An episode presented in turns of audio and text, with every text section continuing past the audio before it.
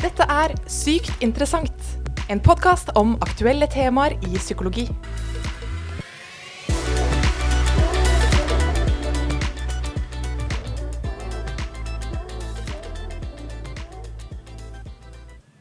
Hei til deg som lytter, og velkommen inn i podkastrommet, hvor jeg, Mette, sitter sammen med min gode kollega Helene Faksvåg. Hallo.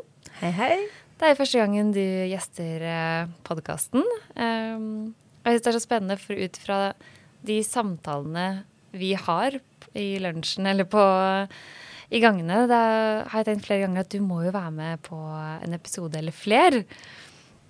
Så endelig sitter du her eh, sammen med meg. Um, og det er så ofte jeg har snakket med deg og tenker sånn Dette her burde flere ha visst. Dette her er kunnskap som må ut. Så vi starter med, med tema parforhold, da. Og vaner som ja, er uh, viktige i, i, for å få et godt parforhold. Mm. Mm. Så for å bli litt bedre kjent med deg, da, så starter vi med den faste spalten Sykt personlig.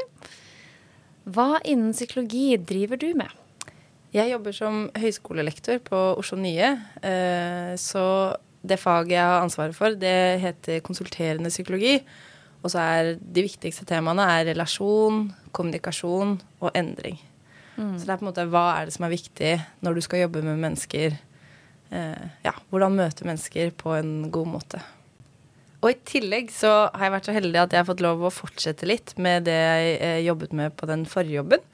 For da jobbet jeg på familievernkontoret Oslo Nord og var med å holde en god del eh, samlivskurs. Så jeg får lov å fortsette å være med og holde et samlivskurs eh, som heter Bufferkurs eh, et par ganger i halvåret. Mm. Og det er jo det vi skal snakke om her i dag. Ja. Mm. Og hva kunne ikke du ha klart deg uten? Det må være folk. Ja. Så eh, selvfølgelig mine aller nærmeste. Eh, Samboeren min og barnet mitt. Og de nærmeste venninnene mine. Og eh, gode kollegaer. Ja, du er sosial eh, person. ja. Og så eh, spørsmål til eh, som er mer retta mot dagens episode, da. Du holder jo disse kursene for par. Så da lurer jeg på har de verktøyene dere lærer bort i de kursene, da, hjulpet for deg i ditt parforhold? Ja, absolutt. Det har det virkelig gjort. Og det her, det som er på det kurset For det første så er det jo eh, om temaer som jeg tenker de fleste par vil kjenne seg igjen i. Jeg har aldri mm. opplevd å holde kurs og at noen sier sånn Nei, det her treffer ikke i det hele tatt. Um, og det tror jeg jo er fordi at det bygger veldig mye på forskning på folk flest. Mm. Hvor man har filmet par og sett hvordan er det par som har det bra sammen, er overfor hverandre. Par som strever. Ja, veldig, veldig, veldig stort eh, grunnlag. Mm. Og så har man bygget eh, kurset basert på det. Det er da Gottmann sin forskning, hvor han har filmet over 3500 par, eller hva det nå er, over flere tiår. Eh, og kan jo nevne det at det er Anne Marie Fasse Teigen også, som er en fantastisk dyktig psykologspesialist som har utviklet eh, kurset. Ja. Og som jeg var så heldig ved å jobbe med på familievernkontoret i Oslo Nord. Eh, men eh, det grunnlaget gjør i hvert fall at eh, jeg kjenner personen, at jeg kjenner meg igjen i de fleste temaene.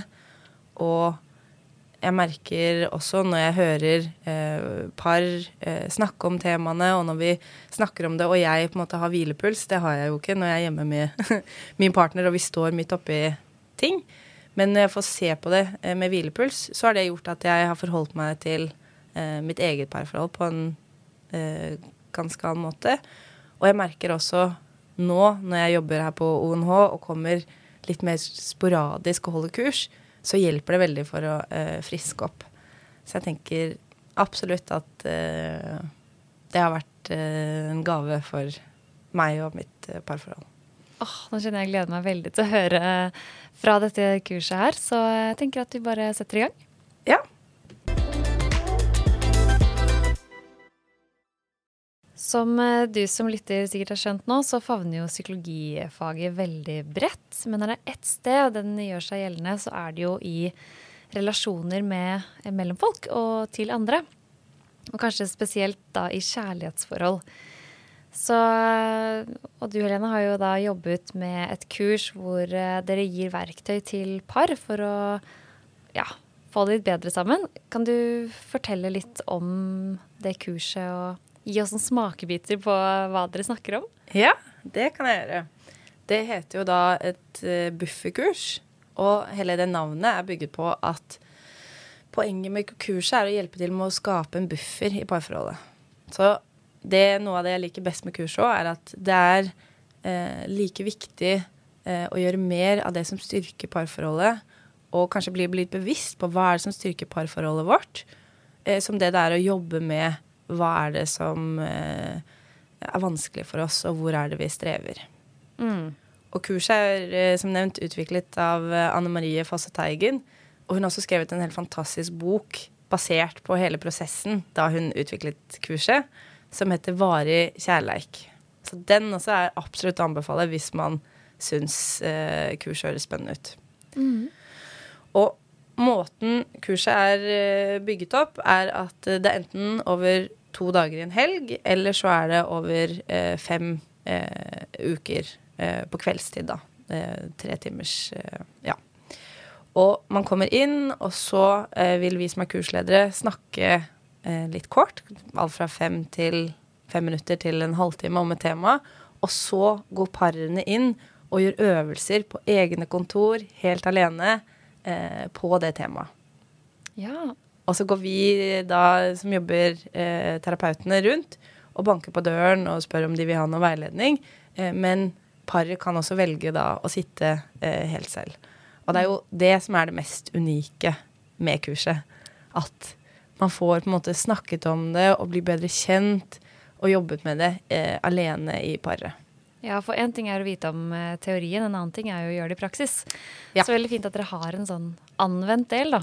Ja, ja, ja, ja. Og det er jo tilbake til hvorfor dette har vært så nyttig for mitt eget parforhold. er jo fordi uansett hvor mye man måte, leser og jobber, så er det noe med det å eh, bruke det i praksis mm. som er eh, nøkkelen, da.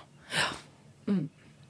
Så um, vi skal jo få en, eh, en, smakebit, som sagt, på noe av det første kurset inneholder. Og det, du snakket om at det er noe sånn kjærlighetsbank. Mm. Uh, hva vil det si, og hvordan jobber dere med denne kjærlighetsbanken? Mm.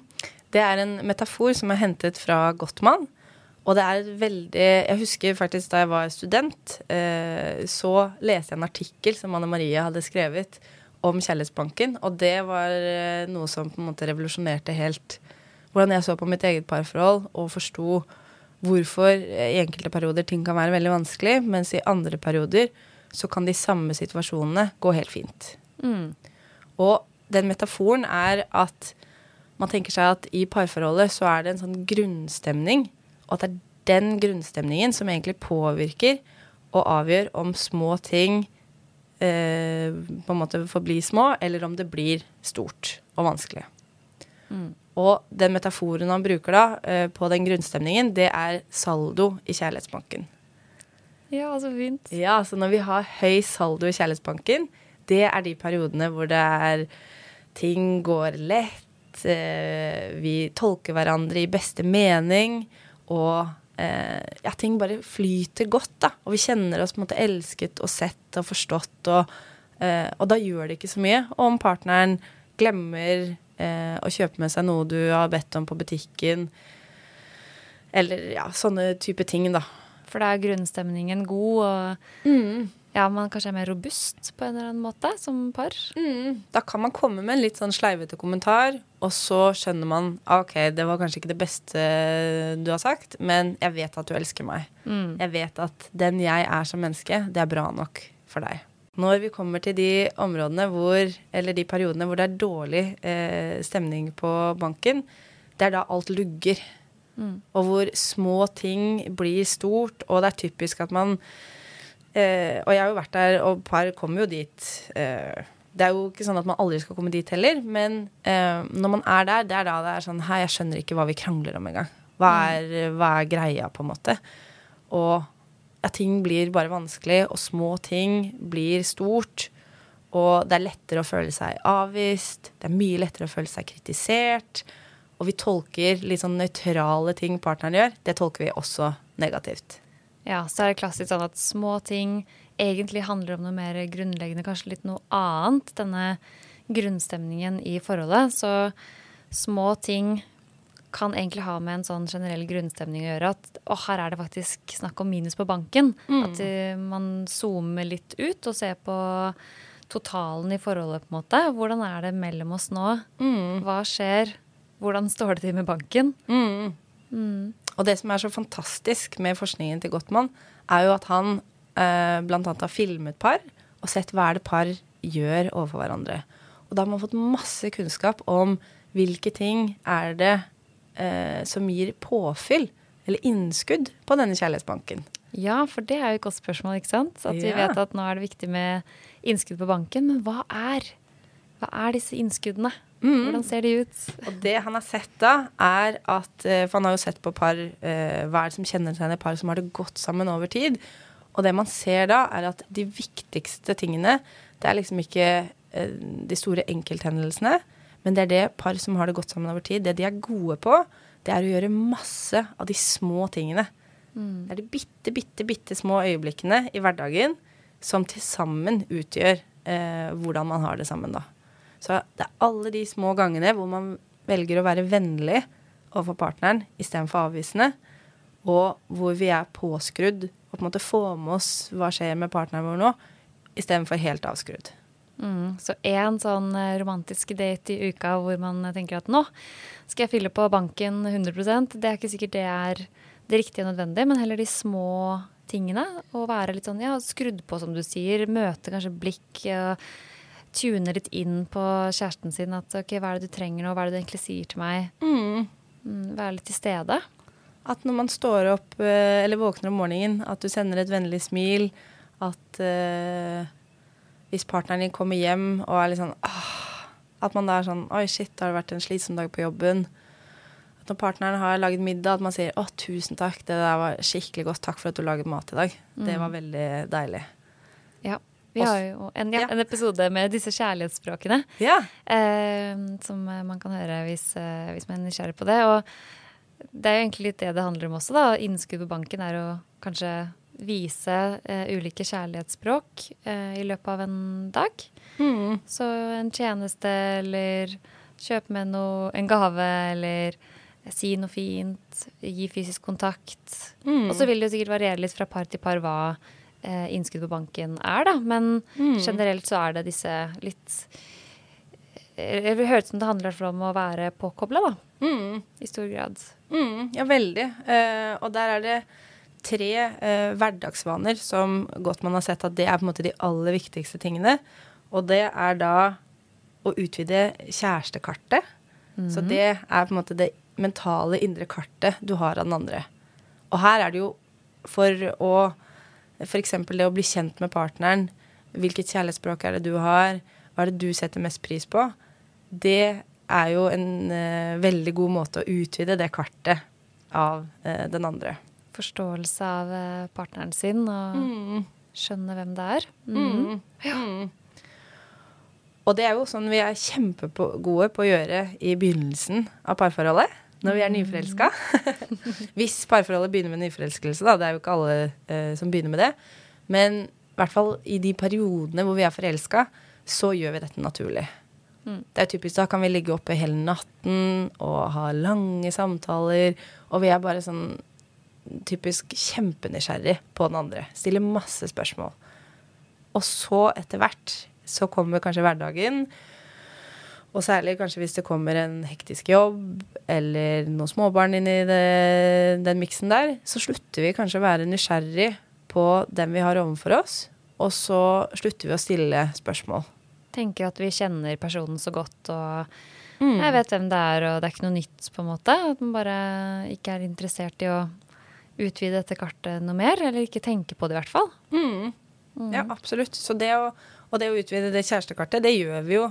Eh, det har vi mulighet til å gjøre hele tiden. Så det kan jo være med liksom store samtaler, men det kan også være med det lille hverdagen. da. Hvordan har du hatt det på jobb? Hva er det som er viktig for deg for tiden? Og de Ja, på en måte være nysgjerrig og observant eh, på den andre, da. Mm.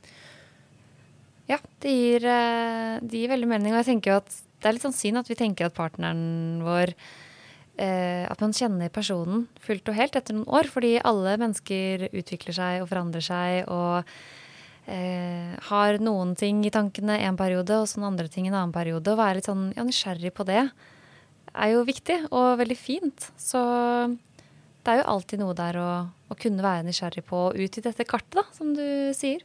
Mm. Og det er jo sånn jeg kjenner på fra mitt eget parforhold. Eh, har vært utrolig eh, spennende. At jeg har jo vært med min samboer i ja, eh, 13 år, kanskje. Eh, Ja. Og da føler jeg jo at jeg har vært sammen med flere ulike, selv om det bare har vært han.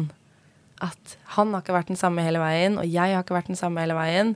Og så at vi hele tiden har på en måte blitt kjent med hverandre i nye faser av livet, da. Og det å være nysgjerrig på partneren på den måten, det er jo ikke så rart heller at det er et innskudd. For det gir jo veldig en følelse av OK, eh, hvordan jeg har det om dagen. Det betyr faktisk noe for partneren min. Jeg føler meg sett. Jeg føler at uh, han bryr seg om meg. Og jeg føler at den jeg er, er på en måte bra nok uh, for han, da. Mm. Igjen du litt liksom kobla på. fordi hvis man aldri får spørsmål om uh, ja, hvordan har dagen din vært, eller hva tenker du på, ikke noen sånne, sånne type spørsmål, så, så er det jo et tegn på at den andre ikke er så nysgjerrig og interessert lenger. Og da skjønner jeg jo at det kan bli en kjip greie. Så det høres eh, viktig ut, da. Å ta vare på den nysgjerrigheten og ikke føle at man liksom blir ferdig med en person. At nå vet jeg hvem du er. Ok, ikke så spennende lenger, men kanskje finne ting som er spennende, og som man ikke har oppdaget ennå. Mm. Og det er kjempegøy. På det kurset så har vi jo som sagt øvelser på eh, alle disse tingene. Og den øvelsen som er på eh, det temaet her, det er eh, at de har en sånn kortstokk som, eh, med en del spørsmål. Og så skal man da stille det spørsmålet, og så skal man gjette hva svaret er for partneren sin. Oi, spennende. Hva kan, husker du hva et spørsmål f.eks. kan være? Ja, det kan være um, uh, hvem, var min, hvem var mitt idol da jeg var liten? Uh, hva er det jeg liker best å gjøre uh, i feriene? Hva er det som gir meg energi? Ja, sånne type spørsmål. Det er fint. Jeg, eh, jeg har kjøpt den derre Fuelbox. Har du hørt om Ja. det? Ja. Det er også litt sånn samme type spørsmål, da. Med ja, hvilke verdier er viktig for deg, eller uh, hva er min favorittmat, et eller annet sånt. Um, og jeg liker veldig godt å dra fram den av og til, bare for å liksom ja, skape litt mer nysgjerrighet og, og komme på at nei, vet du hva, jeg kjenner ikke alle sidene ved partneren min eh, nødvendigvis. Og her er det flere ting man kan snakke om, og kanskje det har forandret seg noe siden sist. Så den eh, anbefaler jeg også, den Fuelbox. Mm. Og det er nettopp For det kjenner jeg veldig på. Nå er eh, jeg og partneren min vi er i småbarnsfasen. Og da kan jeg jo kjenne at den nysgjerrigheten, det er liksom ikke så mye plass til den. Og det blir fort, eh, hvis vi to skal spise middag alene, at vi begynner å snakke om praktiske ting og barnet vårt og du, du, du, du, du. Og da var det en middag hvor jeg tenkte nå skal jeg ta med Det var vel rett etter at jeg hadde holdt kurs. ja. Apropos hvordan det kan eh, bidra eh, inn i mitt eget parforhold. Og så tok jeg bare med den kortstokken, og så snakket, eller tok vi de spørsmålene mens vi var ute og spiste middag. Og da ble det en helt annen type samtale. Mm, Istedenfor bare den derre Ja, vi må huske å gjøre dette og dette i løpet av uka, og hva skal vi ha til middag i morgen, og klassiske sånne praktiske ting som du sier, men litt mer nedpå og eh, personlig. Mm. Mm, det høres ut som en god idé. Som jeg, når jeg tenker tilbake, var, kjentes ut som et sånt innskudd på vår eh, kjærlighetsbank. At da følte jeg litt mer på Ja, shit, det er jo oss to, og Ja. Han kjenner meg virkelig, og her kan vi Ja, nei, det bare føltes veldig godt. Og kan du nevne at eh, noen av de spørsmålene er jo også litt eh, større. Men det er veldig mange av de også som er på en måte Hva var ja, idolet ditt da du var liten? Det er ikke bare For jeg, da jeg tok de med til samboeren min, så var han litt sånn Å, herregud. Ja, jeg kan se for meg Jeg kan se for meg at eh, noen vil bli litt sånn Å, herregud, skal vi drive og ha sånne samtaler, og at noen kort skal fortelle oss hva vi skal snakke om. Mm. Og at det er veldig 'hva føler du nå?' Sånn veldig psykologete, da, Mm. så man kan si det. Men det er derfor jeg likte det eksempelet at nei, men det er også andre ting sånn, ja, hva var ditt store idol som liten? Mm. Så det er jo litt sånne type spørsmål òg, ikke bare de Mm. dypeste også. Mm. Ja, og det var veldig Det tror jeg samboeren min satte pris på. Så det høres ut som et veldig sånn eh, enkelt, på en måte, verktøy som fort kan fylle på banken hvis det går etter planen, da, og hvis det går bra. For det krever jo at begge to er eh, påskrudd og kobla på hverandre. Men eh, det var også Jeg liker sånne lister, da. Det her var Ja. altså første i lista. Utvide kjærlighetskartet. Mm. Hva er eh, nummer to? Nummer to, det eh, er noe man eh, tenker på som sånn invitasjoner og svar. Og da tenker man at alt du gjør rundt partneren din, det er en invitasjon til kontakt. Og hvordan partneren din møter deg på de måtene, det er da enten innskudd på denne kjærlighetskontoen eller uttak fra kontoen. Ok, så hvis Er det, er litt sånn regel at eh, hvis man da møter partneren sin når det, de vil, eller han eller hun vil ha kontakt, da er det innskudd. Hvis man avviser, så er det ikke det. Er det litt sånn? Og sånn de deler opp der, er det at uh, hvis man møter de på en imøtekommende måte, så er det innskudd. Ja. Mens hvis man møter de litt sånn uoppmerksomt, at man bare svarer på noe helt annet eller sier noe nøytralt, men det er liksom ikke på det du egentlig inviterte til, Mm. så er det små uttak. Mens hvis man møter det direkte avvisende og kanskje med litt forakt, så er det store uttak. Ja, det gir jo veldig mening det å få en skikkelig avvisning av en som er så nær. Det er jo veldig vondt. Men det kan jo skje da, hvis man er stressa, har mye å tenke på, eh, ikke er helt der. Og det behøver jo ikke ha noe med partner å gjøre, men at man har en dårlig dag, eh, har det kjipt inni seg, så er det jo, i hvert fall av egen erfaring, ganske fort gjort å, å la det gå utover partner. Eh, selv om man helst ikke skulle ha gjort det. Så, um, men her er det altså viktig å prøve å liksom, ok, koble seg på partner selv om man er stressa, har det vondt, eh, eller bare er uoppmerksom og kanskje hodet et annet sted. Så en måte å gjøre det på er jo, kan jo være bare å si åh, vet du hva, nå er jeg helt Nå er jeg så stressa, eller nå er det altfor mye annet i hodet mitt. Sorry, kan vi ta det etterpå? Eller liksom Ja, istedenfor bare en sånn hard avvisning.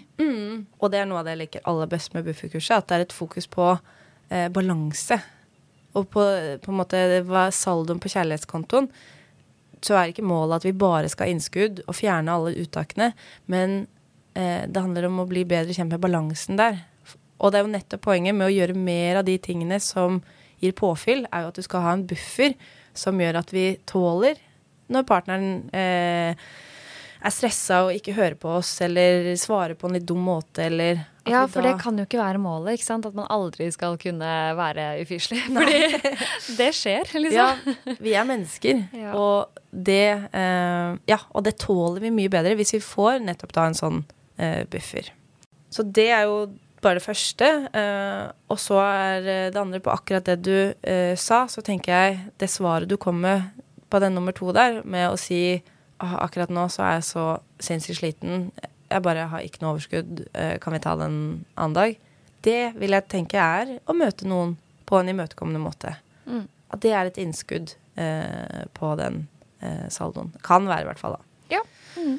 Så, og det er noe av det når vi går gjennom de Da går vi gjennom en del sånne konkrete eksempler og sånn på kurset. Og det er noe veldig mange er litt sånn Å, herlighet. Når jeg ser det sånn her Dette her gjør jeg jo masse av hele tiden. Og det er jo også sånn jeg også kan kjenne på sånn Ja, det der eh, kjenner jeg meg godt igjen i. Så men det er på en måte ja, alle de små øyeblikkene når partneren vår eh, Ja, hvis de f.eks. kommer inn døra, puster tungt, og er sånn åh Så er det en liten invitasjon til et eller annet felles oppmerksomhet på sånn Oi, har du hatt det Har det vært en lang dag på jobb? Mm. Eller hvis de ser ut av vinduet og er sånn Oi! Så er det en liten invitasjon til noe felles oppmerksomhet mot det. Mm. Å være litt kobla på det, da. Mm. Være litt oppmerksom på, på signalene dine fra, fra partneren sin. Mm. Mm. Og også for så vidt, eh, det syns jeg er kjempespennende med eh, hvis partneren kommer med sånn direkte, mer sånn språklige eh, invitasjoner. Sånn skal vi spise middag da og da, eller skal vi dra på ferie dit og dit? Så er det egentlig eh, ganske store invitasjoner. Og hvis man blir mer bevisst på hvordan er det jeg avviser, så tenker jeg det er eh, noe ja, som, kan, som har et veldig potensial i seg, da. Ja. For ofte der så gjør det så vondt å avvise. Og så kan man begynne da å avvise på litt sånn kjipe måter. Være sånn ah, men du vet jo at ikke vi kan det, og hvorfor Ja. Litt fordi Uff, jeg kjenner meg så igjen. Uff, jeg sitter her med dårlig samvittighet og tenker sånn herregud, her kan jeg ta en runde med meg selv, faktisk. Eh, altså, ja, man skal kanskje streng heller, da, for alle gjør jo feil og tar ut uh, uttak fra banken. Men jeg kjenner igjen det, at, uh, at det kommer fram litt sånn hardt av og til, en avvisning, fordi at det gjør vondt å avvise. Så det er ikke vondt ment, men det blir jo liksom Ja, kan bli litt hardt, da. Så det skal jeg tenke på. Og det er ikke noe mål om perfeksjonisme, eller sånn at det skal være perfekt heller, men der så vil jeg tenke, det kan jeg i hvert fall kjenne på, at det oppleves helt annerledes å bli avvist hvis det er først en litt sånn åh, det hadde vært veldig hyggelig, jeg har også lyst til å dra på ferie med deg, eller noe sånt, men det tror jeg ikke går opp. Jeg tror ikke vi har tid. Det tror jeg kanskje blir litt stress. Det er noe annet enn sånn Hæ? Uh, hvorfor i alle dager har du engang tenkt på det? Det har vi Ja. hvert fall ikke tid til. Eh, For det er jo veldig mye sånne ting vi gjør bare på autopilot. Og nå tenker jeg jo med en gang Jeg syns jo noe av det morsomste med å jobbe med par, er at folk er så forskjellige. Så det er jo sikkert noen par hvor man er Hvis det er to som er mer direkte, så er ikke det så store uttak, uh, kanskje, da. Hvis man svarer litt sånn Nei, det går ikke. Det er forskjellig Ja. hvordan man er som person. Noen er veldig direkte. Ja, ja. Og litt harde i tonen. ja. Ja. Eh, men det å, i hvert fall det å legge merke til når er det partneren min inviterer til kontakt, og hvordan er det jeg svarer når partneren min inviterer meg, da. Mm. Og det kan jo være vanskelig eh, hvis Ja, jeg tenker bare sånn Partneren min er jo veldig, han er veldig glad i fotball. Så hvis han blir liksom kjempeglad, så er ikke det noe jeg intuitivt Hvis det er noen scoring eller sånt, da. eh, Noe jeg intuitivt tenker Å, det var veldig, veldig gøy. Men jeg ser jo at det betyr noe for han, og da er det jo kanskje noe det er litt Ja, som eh, Være med litt på den eh, på gode den. følelsen og Så det er jo alle de tingene partneren gjør som sender signaler, som egentlig inviterer til kontakt. Eh, når man møter det imøtekommende, så vil det være innskudd på denne kjærlighetskontoen. Mm. Og det gir, er med da på å gi en følelse av OK, du er her for meg. Eh, jeg betyr noe for deg. Du ser meg Ja, du ser meg. Og det er veldig spennende at du sier, for det er jo veldig ofte når ting er blitt vanskelig, så kan kanskje en eh, i forholdet si litt sånn Ja, men jeg føler at ikke du ser meg. Og så sitter den andre igjen, og så er sånn Hæ, det er jo Hva mener du med det? Jeg er jo med deg hele tiden. Og jeg gjør så mye for deg. Og så er det kanskje for mange, i mange tilfeller da, så er det det her det er snakk om. At um, det er en sånn diffus følelse av å ikke føle seg sett. Og så er det kanskje at eh, for det første at det er lav saldo på Kjærlighetsbanken. Og så dette med invitasjoner, at kanskje en over lang tid har følt at her sender jeg ut mange invitasjoner som ikke blir møtt på en imøtekommende måte. Mm. Og da er det kanskje særlig når vi er litt sånn uoppmerksomme, at det kan gå litt eh, under radaren på oss. Ja, typiske perioder hvor man er, kanskje har mye med seg og sitt, eller at det er andre ting som tar opp uh, oppmerksomheten. Veldig. Ja. Og det er jo ikke som regel noe man gjør ut av vond vilje eller fordi man ikke elsker den andre, men bare fordi at uh, når de snakker om hvem som har røket ut av Skal vi danse, så sitter du og tenker på en stor presentasjon på jobb. Mm. Klassisk, det der. Ja. Og eh, det her kan da være med å hjelpe oss med å forstå hva det egentlig er snakk om. At å ja, det handler kanskje om at jeg Når du sender små signaler til meg, så har jeg ikke vært god nok til å møte deg på en imøtekommende måte, da. Og det Mm. må vi kanskje minne oss selv på å være.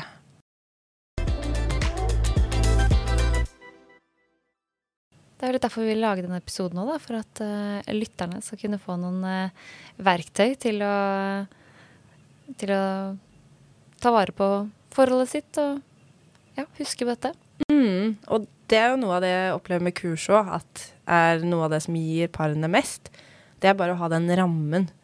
At da kommer de på en måte et nøytralt sted, og det er ikke masse andre ting som skal skje samtidig. De har liksom satt av tid og blir på en måte ledet inn i de temaene her, da.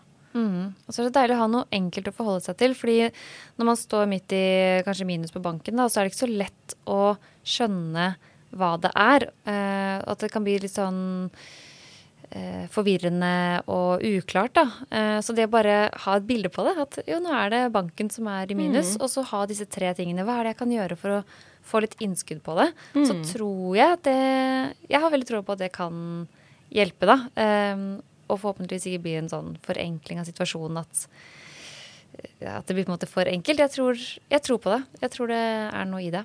Mm. mm. Og det er jo selvfølgelig ikke en sånn mirakelkur som kan revolusjonere alle forhold. Men jeg tror for virkelig folk flest, så er det å gjøre mer av de tingene som gir påfyll, det eh, vil være en god ting. Mm, og det har jo du erfart også i dette mm. kurset.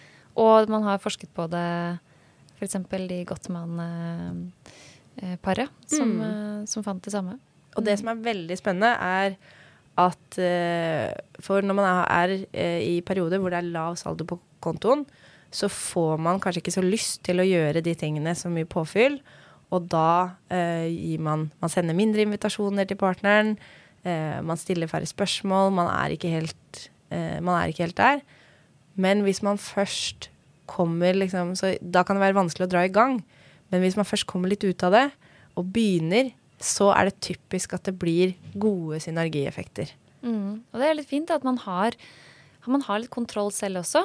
Uh, man har noen muligheten til å starte opp og begynne å få disse innskuddene. Og selv ha litt kontroll. Fordi man kan jo tenke ofte at det er den andre sin feil, og mm. åh, det er den andre som er udugelig og sånn. Eller forhåpentligvis tenker man ikke det, da, men av og til. Um, og da å vite at ja, hvis jeg gjør en innsats her nå, mm. så blir det bedre, sannsynligvis. Mm. Og da vil det også lettere komme for partner, da. Mm. mm. Og det er jo det mest typiske å kjenne på når ting er veldig vanskelig og vi er fulle av sterke følelser, er jo at det er partneren som er problemet. Ja. Det er deg. Eh, du må du, du, du, mm. Når du bare begynner sånn og sånn, så ville jeg også begynne. Klassisk. Ja. Men man må faktisk gå en runde med seg selv og tenke på sitt eget bidrag mm. i uh, forholdet. Det er jo bare deg selv du kan uh, gjøre noe med. Ja, og det er litt fint da, at man har At det finnes en mulighet der, et potensial i deg selv til å uh, skape det bedre. Mm. Og da tror jeg det her er virkelig noe som da forskning også støtter, at kan være med på uh, å gjøre det bedre. Mm. Og man så også, uh, godt man så til med nyforelskede par, hvis de sender en liten sånn invitasjon, uh, sånn type 'Å, har du sett brillene mine?' og ikke blir møtt av partneren. Så det man gjør i møte med det, det er at man trekker seg litt, og så begynner f.eks. Han så at typisk begynte å rydde i noen papirer og på en måte ikke da sendte noe særlig signal til partneren om at du, nå jeg, følte jeg meg litt avvist. Så partneren får det jo som regel ikke med seg. Eh, men man, han så også at eh, man sendte færre invitasjoner eh, like etter. Ja. Men kan man si ifra? Eh, at eh, du, nå syns jeg du tar imot eh, dårlig, eller eh, nå prøver jeg å få kontakt med deg, men du er et helt annet sted. Mm. For å på en måte riste litt i den andre. Hvis man, hvis man, sitter på andre siden og prøver å fylle på denne banken, da, og så tar ikke partneren imot, eller det blir liksom ikke noe Får ikke noe respons. Det går vel mm. an å si noe om det da? Mm. Da føler jeg meg avvist, rett og slett. Mm. Og der uh, Det her er jo kjempekomplisert, så det er ikke noen sånn uh, tenker Hvis ting først har blitt veldig vanskelig, så kan jo fort det sette i gang en stor krangel, og så kan det bli oppfatta som kritikk, og så bare blir det forsvar og død. Men eh, hvis man eh, Så det er ikke noe sånn 'dette vil alltid funke', men eh, det kan ofte funke veldig godt å si det sånn 'oi, nå eh, gjorde det litt Det gjorde litt vondt', eller ah, det var litt kjipt, fordi nå hadde jeg egentlig litt lyst til å fortelle om eh, det her, og så føler jeg at du virker ikke helt interessert, da. Mm. Nå kjente jeg meg litt Nå følte jeg Ja, nå ble jeg litt lei meg, eller Ja, det ga Ja, det var en litt sånn kjip følelse. Mm. Det kan man jo prøve. Og her må jo paret finne sin egen måte å Det er ikke én oppskrift for Nei, alle. Ikke i det hele tatt. Og det er jo i hvert fall det å uh, bli mer oppmerksom på hvordan er det jeg sender ut invitasjoner. Ja, for det, er, det har jeg ikke snakket om foreløpig, da, men det også er jo et kjempespennende eh, ting å bli mer bevisst på. Og det har i hvert fall vært noe som har åpnet dører i mitt Ja. eget eh, hode. Eh, for det er veldig typisk at når vi sender ut en invitasjon, så opplever vi at vi er kjempetydelige, mens den som blir invitert, eh, har kanskje ikke fått med seg hva vi har eh, tenkt, da.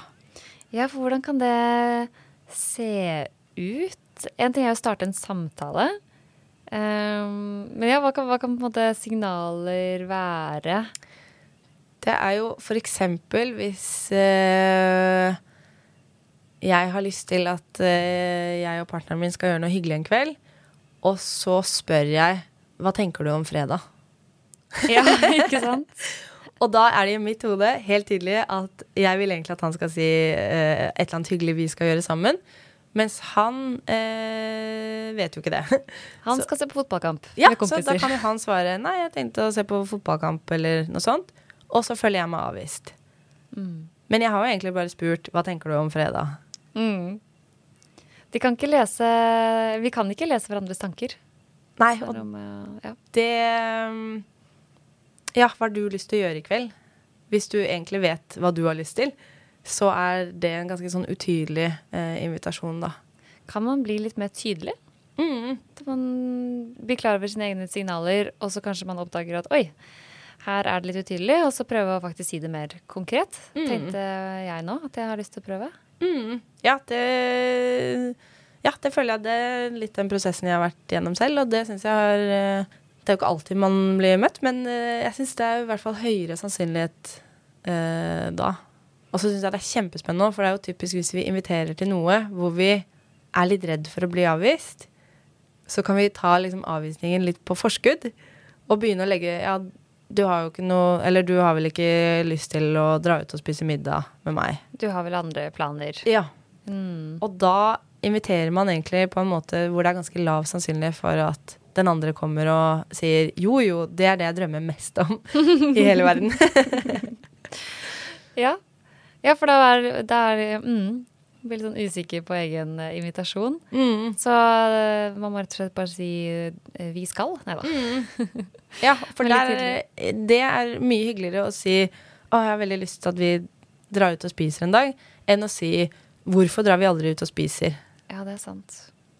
Og det er jo, men det er jo forståelig at vi pakker det inn på den måten også, fordi det gjør vondt øh, å skulle bli avvist, eller frykte å bli avvist. Og hvis man har litt sånn Ja, hvis det er lav saldo på kjærlighetsbanken når man er øh, på et litt sånn vondt sted, så er det ikke så rart at vi gjør disse tingene litt for å beskytte oss.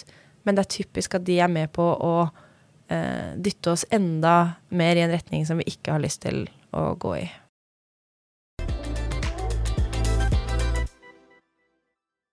Ok, så nå har vi sett på kjærlighetskartet og det å være oppmerksom på partner sine signaler. Mm. Og sine egne, for så vidt. Eh, hva er tredje punkt på denne lista? Den tredje, eh, det, det tredje hverdagsvanen som par som har det bra sammen over tid, gjør mye av i det daglige, er å velge å se etter ting man setter pris på, eller beundrer ved partneren, er takknemlig for, og så vise det, eller si det. Ja, være oppmerksom på de positive tingene. Mm. Mm. Og så si det. Si ah, 'takk for at du lagde middag'. 'Takk for at du er så god til å hente i barnehagen'. Eh, 'Takk for at du er så tålmodig med leggesituasjoner', f.eks. Ja. Takk for at du Ja, vise og si de tingene, da. Hva med de som ikke har ord som kjærlighetsspråk, og er litt dårlige på å kommunisere hva de setter pris på? Det er veldig Det er spennende. Og igjen, her er det jo ikke noe eh, Innenfor hele feltet og innenfor kurs og alt, så er det på en måte ikke noe fasit. Det er ikke noe sånn konkrete råd. Dette bør alle gjøre. Eh, så for de parene eh, hvor man ikke har ord som sitt kjærlighetsspråk, så vil det jo, hvis partneren din heller ikke har ord, så vil det jo kanskje være mye mer påfyll om man heller bruker det kjærlighetsspråket som begge har. Hvis det er tjenester, f.eks. At du har et par eh, hvor begge setter veldig pris på hverandre og hele tiden gjør veldig mye små tjenester for hverandre, så tenker jeg at da er det ikke sånn at oi, de bør jobbe med å si det. Nei. så lenge de har det eh, bra med det. Eh, og her vil du jo treffe enda dypere hvis du klarer å vise at du setter pris på den andre på den måten de liker best Ja. eh, å få det på, da. Vite om partner sitt kjærlighetsspråk, og så eh, sette pris på det på den måten. Mm. Mm. Mm. Og også, men jeg tenker jo også kanskje ofte med ord at eh, det, det er veldig godt å vise litt uh, hva man beundrer eller setter pris på. Og hvis det er veldig Det er typisk at det er veldig rart i starten, hvis det er sånn ja, men vi snakker ikke sånn til hverandre. Men så er det kanskje hvis en begynner, da, så blir det litt lettere. Ja. Og så kan det også bli en sånn god smitteeffekt. Det hvor man hele tiden ja, sier mye 'å, takk' i hverdagen. Det merker jeg i hvert fall i perioder hvor det er bra mellom meg og samboeren min. Så er det typisk at vi er litt gode på det. Og når han gjør mer av det, så kjenner jeg at jeg også får mye mer lyst til å eh, Det kommer mye mer naturlig eh, av seg selv, da. ja, det høres jo veldig godt ut å ha det sånn, og veldig fint. Mm. At man er liksom på lag, på en måte. Er, er et team, og at man kan å sette ord på hvor, hvorfor teamet fungerer, eller hva som er bra. Jeg ser det du gjør, som bidrar til at hverdagen vår eh, går opp. Ja, det er en måte å anerkjenne og se partner på, da. Igjen. Mm. Og det vet man jo hvert fra, fra psykologien, at dette er jo også positiv forsterkning. Mm. Og det man forsterker positivt, det får man også mer av. Ja, det er sant. Og det kjenner jo jeg veldig på òg. Eh, når partneren min har jo noen ting eh, som han setter veldig pris på. Og når han sier å, 'tusen takk for at du gjør det', det betyr mye for meg, så er det selv om det Hvis det er å eh, For eksempel, vi er jo ganske forskjellige når det kommer til å beregne tid før eh, vi skal eh, gjøre ting. At jeg vet at for han betyr det veldig mye at det ikke er stress. Ja. Mens for meg så er ikke det så farlig. Nei. Men fordi han har sagt 'Å, tusen takk for at du' Eller jeg vet at det betyr noe for han, så det er jo både det med kjærlighetskart, og også at han har sagt det etter at de har tatt hensyn. Takk for at du var med på at vi eh, beregna så og så god tid. Det gjør det mye mindre stress for meg. Det er jo, kjenner jeg på, er jo sånn veldig sånn innskudd. Og veldig motiverende. At da får jeg jo lyst til å gjøre mer av det. Ja, fordi han ser at du har gjort en innsats Ja. for dere og for han. Ja. Så ikke bare ta det som en selvfølge, men Nei. heller uh, faktisk sette pris på det. Fordi man, det er jo en ting vi kanskje skal snakke om i en annen podkast, dette med varige forskjeller. da. Jeg tenker jo Det kan jo være utfordrende hvis man tar noe som en selvfølge, som egentlig er en forskjell mellom folk. F.eks. det med tid. da. En liker å ha god tid, en eh, er ikke så nøye på det. Og der er man forskjellig. Mm. Og da sette pris på at når man ser at den andre gjør en innsats for å møte den andres eh, måte å være på. Istedenfor å ta det som selvfølge. Det ja, høres jo viktig ut. Mm. Og det er noe av det jeg syns var aller mest spennende, for der er også bufferkurset eh, veldig, veldig bra. Og det er på en måte hovedbudskapet med bufferkurset, er hvordan leve godt med varige forskjeller. Ja, fordi vi er jo forskjellige. Så det syns jeg vi skal ta en uh, annen episode om. Dette Ja. med varige forskjeller. Ja, for da kan jeg tise bitte litt med å Ja, si gjerne. at uh, Gottmann fant jo det at 69% av konflikter i parforhold, de er de samme over tid. Og det er jo nettopp fordi vi er forskjellige på de samme områdene, og det følger oss gjerne gjennom parforholdet. Ja, og da er det jo ikke så lett å løse den floka heller, da. Fordi det er en forskjell. Og det, ja, så det du krangler om i dag, det som er liksom mm, vanskelig og utfordrende i dag, det er mest sannsynlig det samme man har kranglet om for et halvt år siden, et år siden, Kjenner det igjen. og ikke minst om fem år, ti år, eller resten av livet, da, hvis man er så heldig. ja. Og så det kan man kanskje ikke løse, men det er masse å gjøre på hvordan påvirker dette her oss. Så det å velge seg en partner da, det er egentlig bare å velge seg et sett med konflikter som man kommer til å ha eh, livet ut. Og det å velge en ny partner da, det vil jo da bare være å velge et nytt sett med konflikter. For det vil jo alltid være noe. Man vil alltid ha noen forskjeller i parforhold. Selvfølgelig, det kan jo være noen som er bedre matcher enn andre. Men eh, i bunn og grunn så vil jeg alltid ha forskjeller. Og da er egentlig kanskje spørsmålet hvordan leve med de forskjellene? Hvordan håndtere konfliktene? Uh, ja. Hvordan leve med varige forskjeller? Mm, veldig.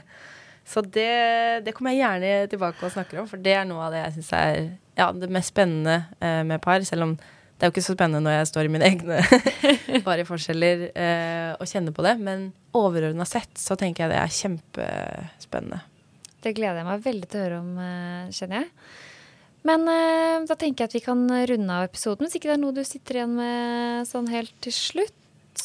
Eh, nei, egentlig ikke. Bare det at eh, det å bli mer bevisst på disse tingene og kanskje løfte blikket litt i perioder hvor ting er vanskelig og man står og stanger, se OK, handler det her egentlig om at nå er saldoen på kjærlighetsbanken vår lav, og hva er det vi kan gjøre da for å gi påfyll til akkurat vårt parforhold, da? Mm. Zoome litt ut. Se det større bildet enn akkurat den krangelen man har her og nå. Mm. Det var gode, et godt tips. Gode avsluttende ord. Mm. Tusen takk, Irene, for at eh, du gjestet podkasten, og velkommen tilbake neste gang. Tusen takk for at jeg fikk være med. Du har nettopp hørt en episode av Sykt interessant. En podkast om aktuelle temaer i psykologi.